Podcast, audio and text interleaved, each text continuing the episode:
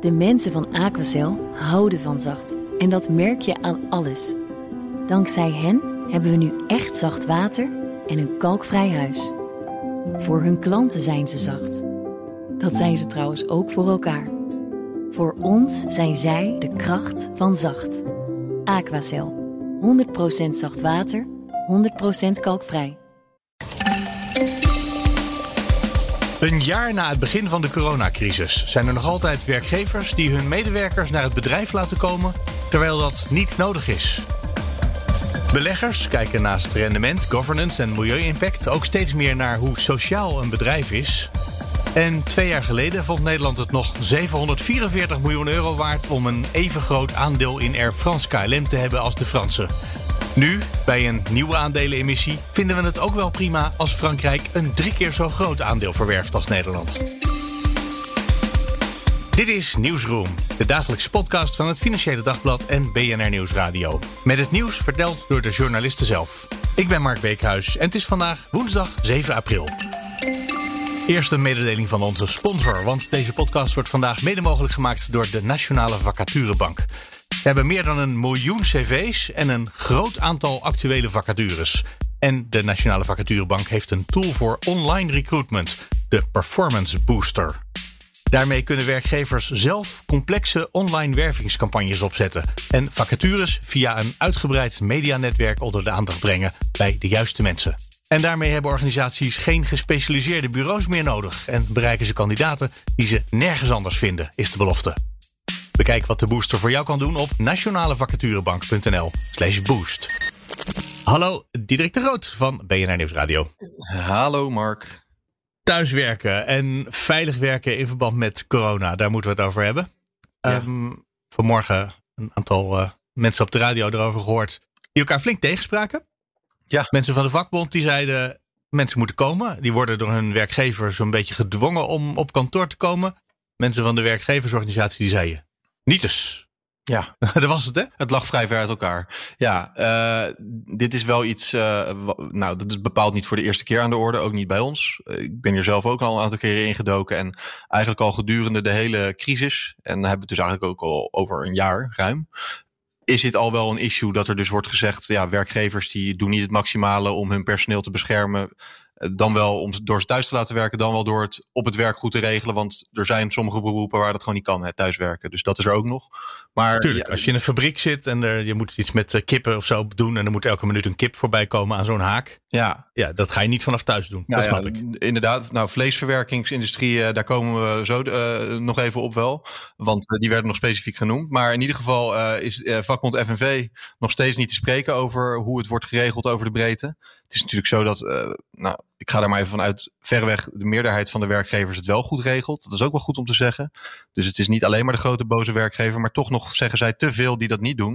En dat is ook wel te zien aan het eh, besmettingscijfer wat het RIVM elke week eh, uitsplitst. Ook naar waar het terug naar het herleiden is. En dan zie je toch nog steeds dat dat rond de 15% elke keer uitkomt bij de werksituatie. Dus en dat, overigens moet je daar dan weer bij aantekenen dat het nog nooit, natuurlijk nooit helemaal zeker te zeggen is dat iemand daar besmet raakt. Nee, maar goed, 15. Dat is ongeveer 1 op de 7 besmettingen vindt op het werk plaats.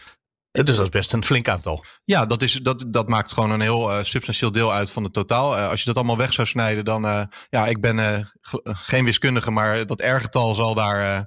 Eh, eh, nou, danig door beïnvloed worden, zou ik zo zeggen. En eh, FNV maakt opnieuw dus dit punt nu. En nou, inderdaad, wat je al aan het begin zei, de werkgevers die we ook hebben gesproken, en dat wil dan zeggen de AWVN en eh, de vertegenwoordigende club van de vleesverwerkingsindustrie, COV, eh, die zeggen ik allebei van dit is totale kwatsch. Om het maar even met een mooi woord te zeggen, want het is wel zeggen, dat speelt geregeld. helemaal niet. Er speelt helemaal niks. En, eh, Ehm, ja. En zeggen ze dan, wij dwingen mensen niet om te komen? Of zeggen ze dan, als mensen moeten komen, want sommige mensen hebben dat nodig voor hun baan, dan is het op werk goed geregeld? Ja, nou, eigenlijk allebei. Eh, ho- hoewel, hoewel ze natuurlijk wel de heus wel toegeven dat er ook dingen misgaan. Ik bedoel, eh, dat, het zou raar zijn om te zeggen dat het natuurlijk 100% goed gaat. Maar zij zeggen van over het algemeen, het, het beeld is gewoon dat het goed geregeld is. En het thuiswerken, dat gaat ook goed. En de veiligheidsvoorschriften worden ook goed gehanteerd. Want wij hebben er helemaal geen belang bij om dat niet te doen. Omdat wij er niks aan hebben als personeel besmet raakt. Of dat wij ge- glazen krijgen met de instanties die dat controleren. Dus eh, ja. Nou, op zich klinkt dat hartstikke logisch. Alleen vlak voor we deze opname begonnen, hadden wij zelf uit onze persoonlijke kring al allebei voorbeelden van bedrijven die zeggen: je moet gewoon komen, ook al is het helemaal niet nodig. Het moet gewoon. dus ja. dat, de AWVN, de werkgeversvereniging, zegt: het komt niet voor. We herkennen dit beeld niet, zeiden ze, geloof ik. En misschien ja. moeten ze dan beter naar het beeld kijken om te kijken of ze het beeld misschien toch zouden moeten herkennen. Ja, ja ze zeggen dus inderdaad niet helemaal van het komt niet voor, maar uh, het is inderdaad niet uh, iets wat je op de, op, op, de werkgevers kan plakken als soort label van het is uh, over de breedte niet goed geregeld. Nou, nogmaals, ik geloof ook wel dat het niet de meerderheid is die het niet goed regelt. Aan de andere kant ja, kan je trouwens ook zeggen van nou dat wij dat toevallig allebei weten. Dat kan ook puur toeval zijn dat het gebeurt. Maar het is ook wel weer heel toevallig dat, uh, je, dat je dat dan precies hoort uh, in je omgeving inderdaad. Ja, mijn specifieke ja. voorbeeld dat was iemand die werkt bij, die heeft een baan die absoluut vanuit huis kan. Maar toch moet dat kantoor uh, allemaal naar de werkplek. En met als gevolg overigens dat de helft onlangs besmet is geraakt. Uh, nou. Dus het komt absoluut wel voor. En dat zie je ook trouwens gewoon aan de, wel de meldingen die er bij de arbeidsinspectie, of tegenwoordig heet dat inspectie SZW, binnenkomen. Ja. Weliswaar is daar, zit daar geen enorme stijgende lijn in, maar nog steeds wel gewoon. Uh, neemt ook niet af. Dat neemt, nou, het neemt niet veel af, nee. En uh, daar wordt door de vakbonden nog bij aangetekend dat het ook kan zijn dat de meldingsbereidheid wel wat afneemt. Wat ik me best kan voorstellen, omdat je natuurlijk een jaar verder bent. En als het dan na een jaar nog steeds niet is geregeld, bewijzen van of het wordt uh, wat, wat losser allemaal. Misschien ga je daar dan als werknemer ook wel wat makkelijker in mee. Dat je denkt, nou ja, we zitten bijna tegen het einde. De vaccinatiecampagne uh, is begonnen. Ja, op stoom durf ik niet meer te zeggen. Maar uh, uh, dus wat is nu nog het, het belang van mij om er nu nog over te gaan klagen? Ja, dat zou best kunnen. En ja, dat is ook een soort vermoeidheid ook. Ja, en dat, die vermoeidheid kan, je, die kan ik me ook trouwens bij de werkgevers heel goed voorstellen hoor. Want ja, alleen dit is wel hun verantwoordelijkheid om het goed te regelen. Dus uh, ook al is die vermoeidheid er, dan is het natuurlijk niet uh, acceptabel om dan maar te zeggen van ja, we laten de boel wat losser. Zo, uh, ja, dat mag gewoon niet volgens de regels. Dus. En de bedoeling is natuurlijk ook dat mensen veilig werken, dat een werkgever daarvoor zorgt. Ja. Doen ze dat wel als je dan op kantoor bent? Doen ze daar, merk, merken mensen wel dat zo'n bedrijf daar zijn best voor doet? En dan denk, denk ik toch nog weer even terug aan uh, de vleesverwerkende industrie, omdat daar in het begin ook hele slechte verhalen over naar buiten kwamen. Ja, nou, die hebben we dus inderdaad ook gesproken. En die zeggen dat eigenlijk daar alles nu uh, perfect geregeld is. Dus dat het kan helemaal niet dat daar besmettingen ontstaan, zeggen zij. Want iedereen die wordt hier aan de deur uh, getest voordat ze beginnen. Ja. Uh, dat is dan wel weer heel opvallend. Dat staat dan echt nou, diametraal tegenover het verhaal van FNV en ook Kamerlid van de PvdA Gijs van Dijk die dit punt ook uh, specifiek maakte over de vleesverwerkende industrie. Die zei, ja, er staan daar arbeidsmigranten, zijn het vaak uh, hutje, mutje uh, te werken. Dat is helemaal niet veilig. En ze zitten ook nog eens uh, op een manier gehuisvest, wat het niet uh, veilig maakt. Dus dat gaat, nou ja, oh, en FNV die zei dat het aantal besmettingen daar, dat neemt ook weer toe, hadden zij van de inspectie gehoord. Terwijl we dan van de vleesverwerkingsindustrie, dus bij monden van de COV horen, dat er eigenlijk helemaal niks aan de hand is. Dus, uh, ja. Dat lijkt wel op, op hoe het een jaar geleden ook was. Hè? Het werd toen ook glashard ontkend, terwijl ja. er gewoon tv-beelden waren van wat er gebeurde. Ja, nou ja, kijk, ik, ik, ik kan hier natuurlijk niet bewijzen uh, wie er gelijk heeft, want dan zou ik zelf naar die nee. uh, locaties moeten rijden. Ja. Um, in ieder geval is duidelijk dat de vakbond en de werkgever hier uh, bepaald niet op één lijn zitten. Dat is natuurlijk wel vaker zo, maar zo erg op één lijn als hier uh, zie je ook maar nou weer niet zo vaak. Uh, ik denk wel dat het een feit is dat het nog steeds af en toe verkeerd gaat. dat hebben we mm -hmm. net zelf geïllustreerd met voorbeelden uit de omgeving. en ik zie ook niet in hoe dat eigenlijk zou kunnen verbeteren zonder dat er echt een keer uh, actie komt vanuit de politiek. Of dat je een bepaald mechanisme in werking stelt waardoor er echt wordt gehandhaafd. Als je bijvoorbeeld kijkt naar dat thuiswerken. Dat wordt hier natuurlijk in Nederland helemaal niet gehandhaafd. Terwijl in België bijvoorbeeld, daar controleren ze gewoon op. Daar krijg je gewoon glazen als bedrijf als je het niet uh, regelt terwijl het wel kan. Maar ja, hier, hier kan je ook als werkgever blijkbaar gewoon zeggen van je komt maar gewoon. En dat is ook de oproep van de FNV, denk ik dan, als je hem zo zegt. Ja, zeker. Die vinden gewoon dat er, uh, dat er gehandhaafd moet worden, dat er actie moet komen. Dat is ook iets waar in de politiek wel eerder voor is gepleit. Ook bijvoorbeeld door de PvdA uh, en uh, een aantal andere linkse partijen. Dat er gewoon moet gecontroleerd worden hoe het zit met dat thuiswerken. Of dat wel goed gedaan wordt. Of iedereen die kan thuiswerken ook echt thuis werkt. Want anders dan heb je als werkgever nou ja, natuurlijk het, nogmaals het belang dat mensen niet besmet raken, dat het veilig is. Maar als je daar gewoon laks mee omgaat, heb je verder van de overheid ook niks te vrezen. Als je een zieke uh, uitzendkracht niet hoeft in te huren, nee. dan uh, heb je geen kosten, geen risico. Maar nee. ja, die medewerker wel. Dat vergat ik nog zelfs heel even inderdaad. Want dat, als een bedrijf natuurlijk drijft op uh, dat soort medewerkers met uh, flexibele contracten. Nul uren contracten, contracten zo, ja. dan, uh, dan kan je dit nog veel makkelijker zeggen dan als het allemaal vaste contracten zijn. Dus ja, ik vind dan in die zin is het ook niet zo gek het pleidooi om daar wat strikter op te controleren. Volgende week is weer een coronadebat in de Tweede Kamer. Hè? Misschien als jij nu met Gijs van Dijk van de PvdA gesproken hebt, dat het daar aan de orde gaat komen. Had je daar de indruk van dat dit nu in Den Haag aan uh, aankomt, dit bericht? Nou, nee, want ik denk dat in Den Haag uh, simpelweg uh, er andere issues op coronagebied misschien in dat coronadebat eerder naar voren zullen komen. Ik, volgens mij voert ook Gijs van Dijk niet het woord in de coronadebatten. Dus dit zal dan in andere debatten aan de orde komen, dat die bijvoorbeeld gaan over specifiek arbeidsomstandigheden of in commissievergaderingen. En daar, daar is het eerder aan de orde geweest. Er zijn ook Kamervragen over gesteld eerder over uh, thuiswerken. Dus eh, ik sluit niet uit dat dat daar wel gebeurt. Maar in het grote coronadebat, zeg maar, wat we altijd, uh, nou, misschien nu iets minder, maar in ieder geval in het verleden altijd uh, met spanning volgden. daar gok ik dat dit specifieke punt niet voorbij zal komen, nee. Dus voor mensen die dit een heel leuk onderwerp vinden, dan hoeven jullie volgende week niet in te schakelen bij het grote coronadebat. oh, dat is fijn. Dan hebben we gewoon een dagje vrij. Ja. Diederik de Groot, dankjewel. Graag gedaan. En vaak zeg ik aan het einde van de podcast: wil je reageren? Mail naar nieuwsroom.bnr.nl of nieuwsroom.fd.nl. Maar in dit geval zeg ik het hier ook eventjes, want ik ben gewoon nieuwsgierig. Werk jij bij zo'n bedrijf wat zegt: je moet gewoon op kantoor komen, terwijl jij zelf weet dat het helemaal niet nodig is? En vind je daar dan iets van? Vind je het eigenlijk wel logisch? Of zou je toch liever thuis zitten? Voel je je daar veiliger, wellicht? Of maakt het je helemaal niet uit? Nieuwsroom.bnr.nl of nieuwsroom.fd.nl wordt niet meteen een meldpunt. Het is niet meteen dat dat nieuws of een item moet gaan worden. Ik ben gewoon nieuwsgierig. Hallo, Pieter Kouwenberg. Goedemorgen, Mark. Van het Financieel Dagblad. Deliveroo. En wat dat ons leert over de moderne kijk van beleggers op wat, uh, wat belangrijk is bij bedrijven. Zeg ik dat goed zo? Ja, dat, uh, dat zeg je helemaal goed. Deliveroo is uh, die, die bezorg-app, weet je wel. Ja. Je kunt daar via internet je maaltijden bezorgen. En dan komt er ineens zo'n courier op fiets of elektrische fiets of scootertje. En die komt het bij je bezorgen. Nou, Deliveroo ging um, een paar jaar na uh, Just Eat Takeaway naar de beurs. Uh, had hoge verwachtingen, dacht uh, dat het hartstikke goed zou gaan, die beursgang. Maar het was een kwestie van hakken over de sloot. En een veel lagere opbrengst um, dan ze hadden gehoopt. En uh, dan vraag je natuurlijk, hoe kan dat dan? Waarom?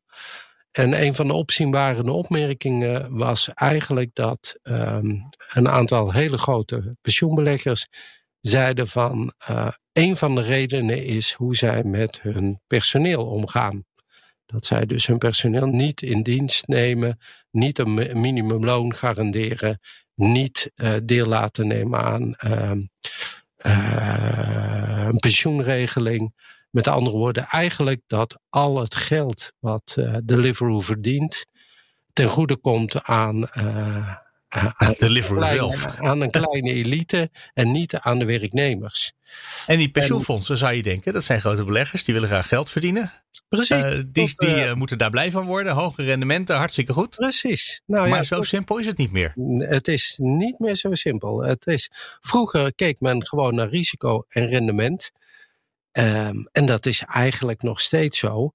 Alleen bij het risico zijn er een aantal factoren bijgekomen in de afgelopen jaren. Um, jij draait al een hele tijd mee, Mark, dus ik durf wel een duik, duik in de geschiedenis te nemen met je.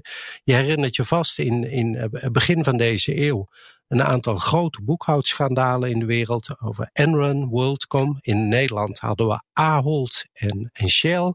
In Italië hadden we Parmalat. Nou, naar aanleiding van die uh, schandalen um, werd uh, de governance heel belangrijk voor uh, beleggers. Dat ze keken, zijn de checks en balances in een bedrijf goed georganiseerd?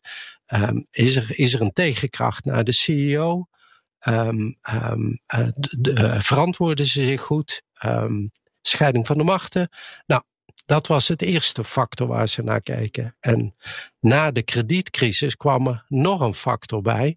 En dat was het klimaat. Uh, het werd ons steeds duidelijker dat we de aarde aan het, uh, uitnutten waren en dat CO2-uitstoot schadelijk was. Dus um, een extra component die zeg maar de risicoanalyse voor uh, de pensioenfonds compliceerder was. Hoe, um, hoe kijken we naar um, de, de klimaatkwesties? Hoe gaat een bedrijf daarmee om? En uh, het duidelijkste voorbeeld is natuurlijk uh, de oliemaatschappijen. Wat als ja. de grondstoffen um, niet onuitputtelijk zijn. Dus um, dat werd ook in hun analyse meegenomen.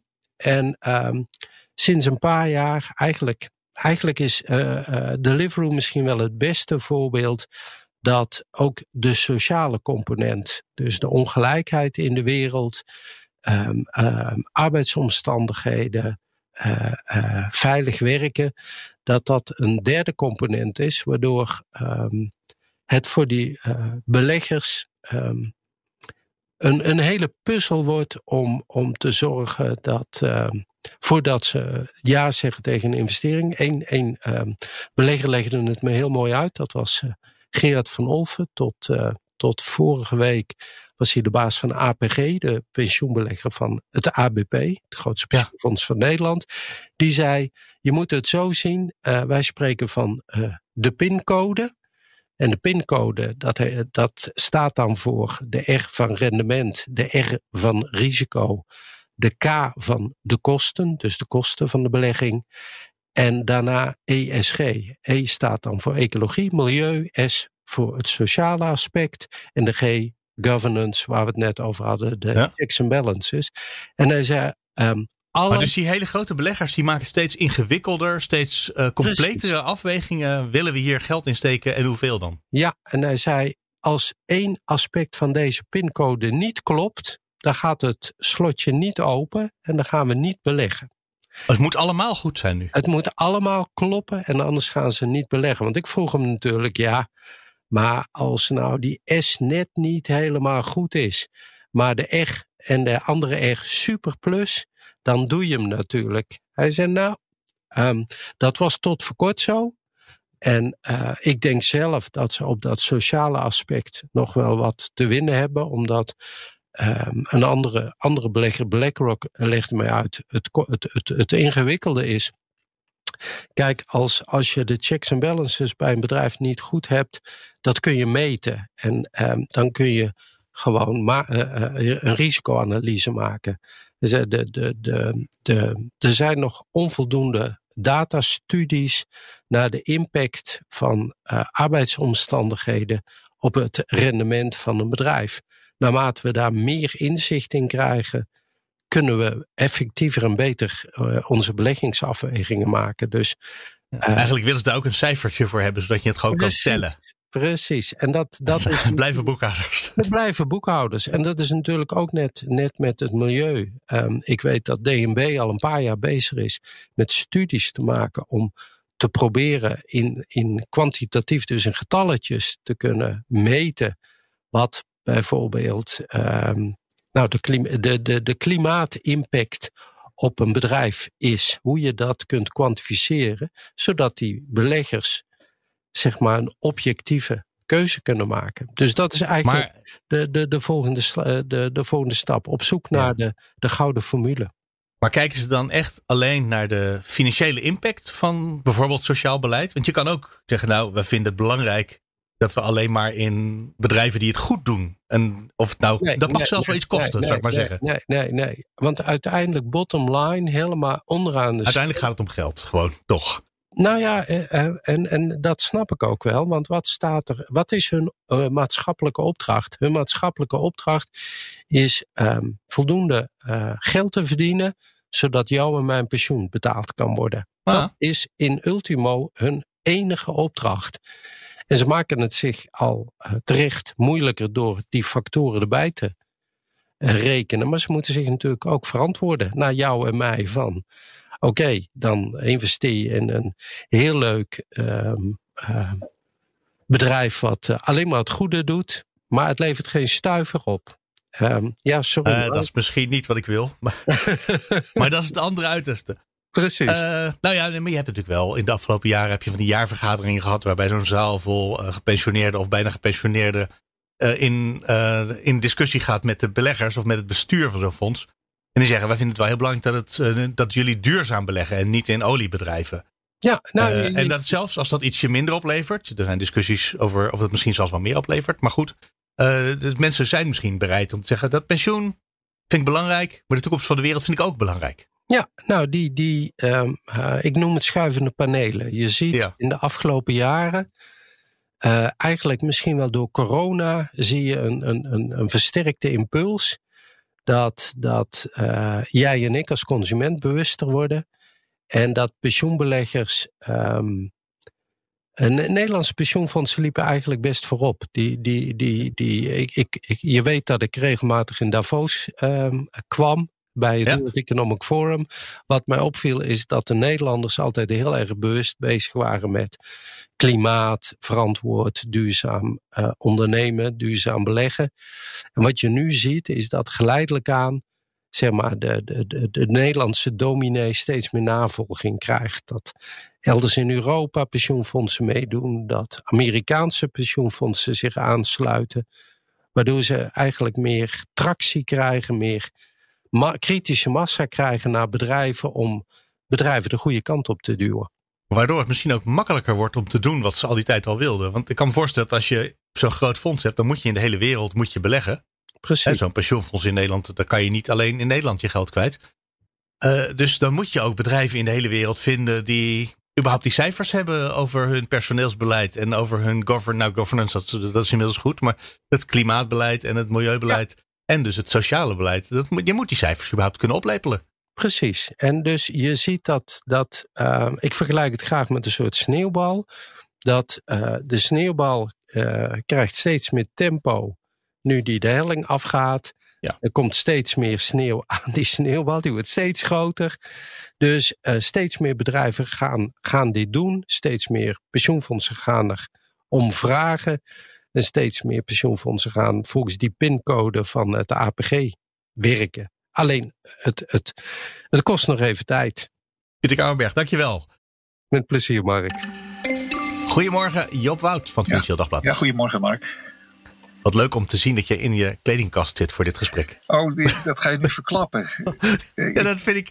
Uh, er zijn zoveel plekken waar je dit gesprek op kan nemen. Ah, ja. En iedereen kiest ook een andere plek. Ja, maar als je het niet in de podcast wil hebben, haal ik het eruit hoor. Ja, ja, nou ja we hebben, je mag, mag, mag, mag best in de podcast. We hebben een, uh, een riante woning in, uh, bijna in het centrum van Amsterdam. Maar we wonen hier met z'n zessen. Dat wil zeggen, ik heb vier kinderen. Dus dat is. ja. Uh, uiteindelijk is het toch nog maar uh, 20 vierkante meter per persoon. Uh. Dus welkom in de kledingkast. We gaan het hebben over Air France, KLM en vooral de Franse en Nederlandse regering. Die, ja, die hadden eventjes evenveel belang in het grote bedrijf. Maar nu is Frankrijk ons toch weer te groot, hè? Ja, ja. Uh, dat was twee jaar geleden. Voor wie het zich nog uh, kan herinneren, en ik kan me dat zeer goed herinneren, dat uh, Nederland in het diepste geheim 14% van de aandelen kocht in Air France KLM, zeg de holding die boven onze eigen KLM hangt, de moedermaatschappij van onze KLM. En uh, die 14% dat was eh, precies hetzelfde percentage als Frankrijk ehm, heeft in Air France KLM. En daarmee kwamen wij op gelijke voeten staan met de Fransen. En, dat was niet zonder reden. Want uh, Nederland voelde zich uh, uh, nou ja, behoorlijk achtergesteld in het bedrijf. En dat ontaarde toen in een, een, gigantische clash over de posities van Pieter Elbers, de president van KLM. Die door de Raad van Commissarissen voor voordracht was, voor een herbenoeming was voorgedragen. En waar de moedermaatschappij opeens geen trek in leek te hebben. uiteindelijk werd Elbers wel benoemd, maar dat, dat leidde tot nogal wat uh, frustratie aan de Nederlandse kant. En toen dachten ze, nou, we, gaan, uh, we gooien er 744 miljoen tegenaan en kopen in, zijn we even alle, groot. Alle stilte uh, 14 procent. Um, en nou ja, dat gaat weer veranderen. Ja, nou herinner ik me dat het wel een paar jaar duurde voor we evenveel stemrecht kregen als de Fransen. Ja. Dat hebben wij net, ja, aan bereikt? Ja, net aan. Uh, in, in, in maart, uh, eind, eind, februari, maart hebben wij uh, zegt het stemrecht weten uit te breiden. Dat is naar Frans recht. duurt het even voordat je meer te zeggen krijgt in een onderneming. Maar zijn we nu weer kwijt, dat even nou grote stemrecht? Dat, dat, die 14% gaven recht op bijna 19% van de stemmen. dus dat was mooi. en ja, dat, dat, om, om, vanwege een aandelenemissie hè, die gisteren is aangekondigd uh, en waar Nederland niet aan meedoet, ja. uh, zakt uh, dat stemrecht weer terug. tot tot zo'n 14 procent, geloof ik. En ehm, ja, uiteindelijk. Ja, beter dan we hadden een tijdje geleden, maar niet zo goed als we op het ogenblik hebben. Ehm, en, nee, en ja, op, op, kijk, met die ehm, je zult ook zien dat dat na, na verloop van tijd zak je weer verder terug. Want het zeggen in het aandelenbelang belang wat Nederland heeft, dat, hè, nu vliegen de percentages wel om de oren. Dat in, in economisch aandelenbelang is 14%. Laten we daar toch maar even, even op houden. En dan ja. even de zeggenschap weer vergeten. Die 14% die zakt uh, terug tot uh, waarschijnlijk uh, iets boven de 9%. En de Fransen die kopen bij. Die, die steunen, zeggen Air France KLM, in die aandelenemissie. En die stijgen richting 30 procent. En, en, en dus de Fransen gaan echt heel veel bijkopen? Uh, ja, en dat kost eigenlijk helemaal niet zo gek veel geld meer omdat die koers uh, laag staat. Uh, toen, die, toen we twee jaar geleden die aandelen kochten, toen stond de koers zich op dubbele, zo, laten we het een beetje grof, grofweg zeggen. Ja. Um, dus die, die komen nu op, op zo'n 30% uit. En Nederland doet niet mee, zakt naar 9%. En, die, die vindt het ook eigenlijk niet zo erg meer ja, dat wou ik vragen. Nodig, hè? De, de, Fransen hebben nu besloten: oké, we gaan mee met Air France KLM in een aandelenemissie. Ja. Uh, waardoor dus onze aandelen ook minder waard worden. Bijna per definitie. Ja. Um, en de, de Fransen vinden dat wel belangrijk. Wij vinden dat nu niet zo interessant. Eh, dat is raar, want wij wilden toch even groot zijn als de Fransen. Uh, de Fransen die vinden dat uiteraard belangrijk om, uh, om daar even mee te beginnen. Omdat ze daarmee uh, bijdragen aan de, ja, de herkapitalisatie van Air France KLM. Die is hoog nodig, ja. want het bedrijf is technisch failliet. Heeft heeft een gigantisch negatief eigen vermogen en dat moet worden aangezuiverd. Dat is eigenlijk de belangrijkste reden van, ja. van de, deze emissie. Uh, naast een aantal andere, uh, naast een andere financiële trapeze ja. act. Ja, dus dat er geld bij moet, dat ligt eigenlijk, uh, daar is geen discussie over. ligt voor de hand. En, en dat die Fransen uh, gaan bijstorten, dat ligt ook voor de hand. Want uh, uiteindelijk gaat het natuurlijk toch om het voortbestaan van Air France. En ehm, de Fransen kennende laten ze dat natuurlijk niet zomaar door het ijs zakken. Dus dat is wat nee. je natuurlijk toch ziet gebeuren daar. en voor, ja, Nederland stond voor de keuze om wel of niet mee te lopen in die aandelenemissie. En ze hebben ervoor gekozen om dat niet te doen. En uh, ja, eigenlijk is nu het ook het signaal van ja, god, die, die 9% waar we nu op uitkomen. Dat is ook mooi. Daar zijn we. Uh, we blijven een belangrijke uh, partij, een, een, belangrijke speler aan tafel. En waar, waar ook Frankrijk rekening mee moet houden. Dus laten we het zo doen. Dat is eigenlijk zeg, de boodschap die gisteren ook is afgegeven in een Kamerbrief van minister Hoekstra van Nieuwenhuizen. Die hiervoor verantwoordelijk zijn. Is daar nog wel over overlegd, weet je, tussen de Franse en de Nederlandse regering? Van zullen we samen optrekken? Uh, het is, het is uh, voortdurend overleg. Uh, mogen we beluisteren vanuit ja. Den Haag. Um, en er is ook, ook, overleg tussen Den Haag en Brussel. Er is overleg tussen Den Haag en, en Air France KLM in Parijs. Dus, en overleg uiteraard tussen ah, iedereen Den Haag en KLM. Ja. Dus wees gerust. Zal, uh, ja? Uh, maar vinden de Fransen het bijvoorbeeld jammer dat we mee, niet meedoen? Of vinden ze het eigenlijk wel lekker? Ik kan me voorstellen dat ze het fijn vinden dat Nederland weer wat kleiner is. Ik kan me ook voorstellen dat ze zeggen: hé, hey, dit was toch onze gemeenschappelijke luchtvaartmaatschappij. Jullie moeten meedoen. Dus je kan nou, allebei is, de kanten uit verwachten. Maar ja, het is natuurlijk als je een emissie uh, doet, dan is het natuurlijk mooi als, als zoveel mogelijk partijen meedoen. want ja, je gaat dat. met de pet langs. En als een als een van de uh, uh, mensen in het rondje zegt van nou, uh, ik niet, dan, dan is het jammer. Want het is, ja. ja. zo simpel is het natuurlijk toch, toch ook. Hè? Je, je, je haalt oh, ja. geld op en overal waar je geld kunt ophalen, dat is, dat is mooi meegenomen. Dus, ik, ja, maar dan raak je ook een belang voor kwijt. Dus de Fransen die hebben nu misschien een groter belang en dat vinden ze ook fijn. Ja, de, maar de goede Fransen die, uh, die hebben toch al aardig wat uh, te vertellen ja. binnen Air France KLM. Dus best een, uh, die banden tussen het Elysée, of Bercy zeg je dan eigenlijk, want dat is waar de zee tot het ministerie van Financiën in Parijs. Ja. en, en Air France KLM, die zijn vrij nauw. Ja. dus daar moet je ook niet zo ongerust over maken vanuit Frans perspectief dat het ja, dat, dat de oh, noodzaak nee, Dus ze hadden gehoopt dat wij mee zouden doen. Nou ja, vanuit financieel opzicht is dat natuurlijk mooi meegenomen als we ook wat hadden bijgedragen. Um, ja, want zoals je het net zei, ze hebben eigenlijk gewoon een flink aandeel van een failliete boedel. Uh, dat klinkt niet zo. Ja, technisch failliet, ja. uh, ze, zijn, ze zijn niet failliet. Uh, nee. de, de, de, de, curator is nog niet binnen, is niet binnen nee, precies, en, en de kans dat dat gaat gebeuren is ook eigenlijk vrij beperkt, omdat ja, de overheden zich toch voortdurend tonen als een ja. ja. redder in laatste nood. En, uh, en nu die, heb je die aandelenmissie, dat is miljard. Daar, daar, gaat Frankrijk flink in zitten. Niet alleen hoor trouwens, maar de Fransen die, die nemen daarin deel. En, maar, maar er zijn ook nog veel hogere bedragen zijn vanuit de overheid uh, richting Frans KLM gegaan. En Nederland heeft zich in dat opzicht natuurlijk ook niet onbetuigd gelaten. Oh, zeker. We hebben natuurlijk allerlei steunmaatregelen in het afgelopen jaar ja die we voor de corona hebben opgetuigd, natuurlijk gebruikt. Waar we dan een luchtvaartmaatschappij mee overeind hielden, maar niet per se een aandeel verwierven.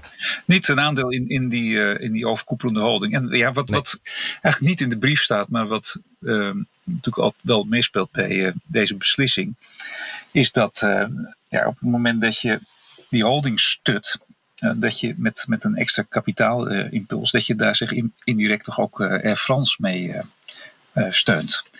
Uh, en, uh, ja, dat is dat een reden voor Nederland om niet te willen? Om geen nou geld naar Parijs over te boeken eigenlijk? dat, dat, is, dat staat niet met zoveel woorden in de brief aan nee. de Tweede Kamer die Hoekstra en Van Nieuwenhuizen hebben geschreven gisteren. maar ja, we moeten niet vergeten dat, dat Hoekstra zelf in ehm, april vorig jaar uh, op een persconferentie heeft uh, beloofd dat er geen, uh, geen cent Nederlands belastinggeld naar Air France zou gaan. En, ja, alleen naar KLM, niet naar Air France. alleen naar KLM. Dus die, ja. ja. dat geeft natuurlijk ook wel een, een, een zekere beperking aan van ja, op welke manier je nou gaat steunen. En die steun die probeert Nederland toch altijd te verlenen. via die Nederlandse dochter van deze in Parijs gezetelde luchtvaartgroep. Ja, maar dus Hoekstra houdt eigenlijk wel woord. Die geeft op het moment dat er naar de holding geld moet, zegt hij nee. Ja. Uh, maar voor KLM hebben we toch heel wat gedaan in het afgelopen jaar. Nee, maar dat natuurlijk toch echt wel uh, wat, wat uit te leggen. Uh, je, je, je, hebt nu wat uit te leggen in die zin van, ja, je, die Fransen hebben, die Fransen hebben nu 30% en, en ja. wij zitten straks met 9. Um, ehm, ja, want hij zei vorige keer dat het zo belangrijk was. maar maar als, hij, als hij was meegelopen met Frankrijk, stel dat, dat Nederland, nou ja, Frankrijk Nederland op allebei 25 zouden uitkomen. Ja, dan, dan had hij moeten uitleggen, ja, wat, wat gebeurt er precies met het geld in de holding? Is, gaat het toch niet lineair recta naar uh, die, die noodlijdende Franse uh, dat Franse onderdeel, uh, France. Uh, en dan had, had hij misschien nog met een veel lastiger verhaal naar buiten moeten treden.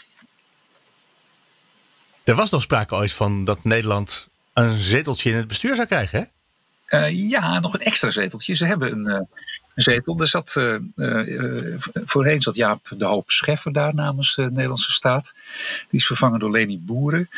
Uh, niet zo lang geleden. En uh, nou, er was wel de inzet twee jaar geleden, toen ze die 14% kregen, om een extra zetel te krijgen. Niet gelukt. en dat, nou ja, dat is natuurlijk hopeloos mislukt. Dat gaat nu Zullen we zeggen dat die kansen nu zijn afgenomen nog? Dat was mislukt en de kansen zijn nu afgenomen? kans is afgenomen. Nou, laten we het zo maar formuleren. Ja, uh, dat is het natuurlijk ook. Als je weet dat dat niet gebeurt, kan ik me ook voorstellen dat je zegt: Nou, dan hoeven we ook niet even groot te zijn qua aandeelhouder aan de Ja, en, en uh, ze hebben er, uiteindelijk kwamen ze denk ik ook wel erachter dat, dat een extra zetel dat het ook niet het verschil zou maken. Het bestuur, het is, uh, er zitten 19 mensen in. Uh, en ook, ook van een aantal andere grote aandeelhouders. Um, en, en daar zitten, nou, namens de Franse staat zitten er nodig in. Ook, ook vanuit de vakbonden zitten er ook weer. Zo, zo werkt dat. Het is een gigantisch bestuur. Ja. Um, daar had een, um, uh, een extra zetel voor Nederland eigenlijk niet, niks uitgemaakt. Er zitten nu um, vier Nederlanders uh, in, in dat bestuur. Ja, er waren er vijf geweest. Nou goed, dat, ik denk niet dat het verschil had gemaakt. Dus het was, een, ze het was een groot avontuur. Het is niet zo helemaal gelopen als we gedacht hadden. Maar uh, we komen nu met de schrik vrij, hoor ik je geloof ik zeggen. Uh, nou, we komen niet met de schrik vrij. Want uh, is, nou, we, hebben, is maar weer eens... we, hebben, we hebben de helft over van wat we erin gestopt hebben aan, aan geld, aan aandeelhouderswaarde. Uh, we hebben onze luchtvaartmaatschappij overeind gehouden, dat wel. Ja, we hebben onze luchtvaartmaatschappij overeind gehouden. En uh, dat, nou ja, dat, uh, gaan we, dat blijven we ook doen. En er zal waarschijnlijk uh, ook vanuit Nederland nog wel weer eens een extra bijdrage komen aan de KLM. Daar zijn we nu ja. toch nog in afwachting van. Nederland overlegt hierover met Brussel. Want zo'n extra steunoperatie kost natuurlijk ook punten bij de mededingingscommissaris in Brussel. Ja. En dat, ja, dat moet er nog worden bevochten, hoe, hoe, hoe waar het op uitkomt. Job Wout, dankjewel. Alsjeblieft. Dat was hem voor vandaag. Kijk voor de show notes op bnr.nl slash nieuwsroom. En als je wil reageren, mail dan naar nieuwsroom.bnr.nl of nieuwsroom.fd.nl. En uit de mailbox pak ik nog even een berichtje van Peter. Die schrijft even over Cenk Willink. Best een goede man, maar wel 79 jaar. Kundig, zeker. Maar waarom geen duo met iemand? Met een jonger iemand, een jongere. Zie het als een inwerkstage, want wie kan het anders over twee jaar dan wel doen? Als het kabinet Rutte 4 is gevallen. Ja, een gemiste kans om de jongeren bij de politiek te betrekken, lijkt me. En ik dacht, ik neem het mee, want ik vind het een leuk idee van Peter. Ik weet niet of het zou kunnen werken in de praktijk. Onderhandelingen over een nieuwe regering met een stagiair aan tafel. Maar wie weet, en misschien luistert meneer Cenk Willink ook wel gewoon naar deze podcast. En dan zien we binnenkort dat er naast hem ook een jongere meeloopt. Wil je ook reageren? Mail naar nieuwsroom.bnr.nl of nieuwsroom.fd.nl. Tot morgen.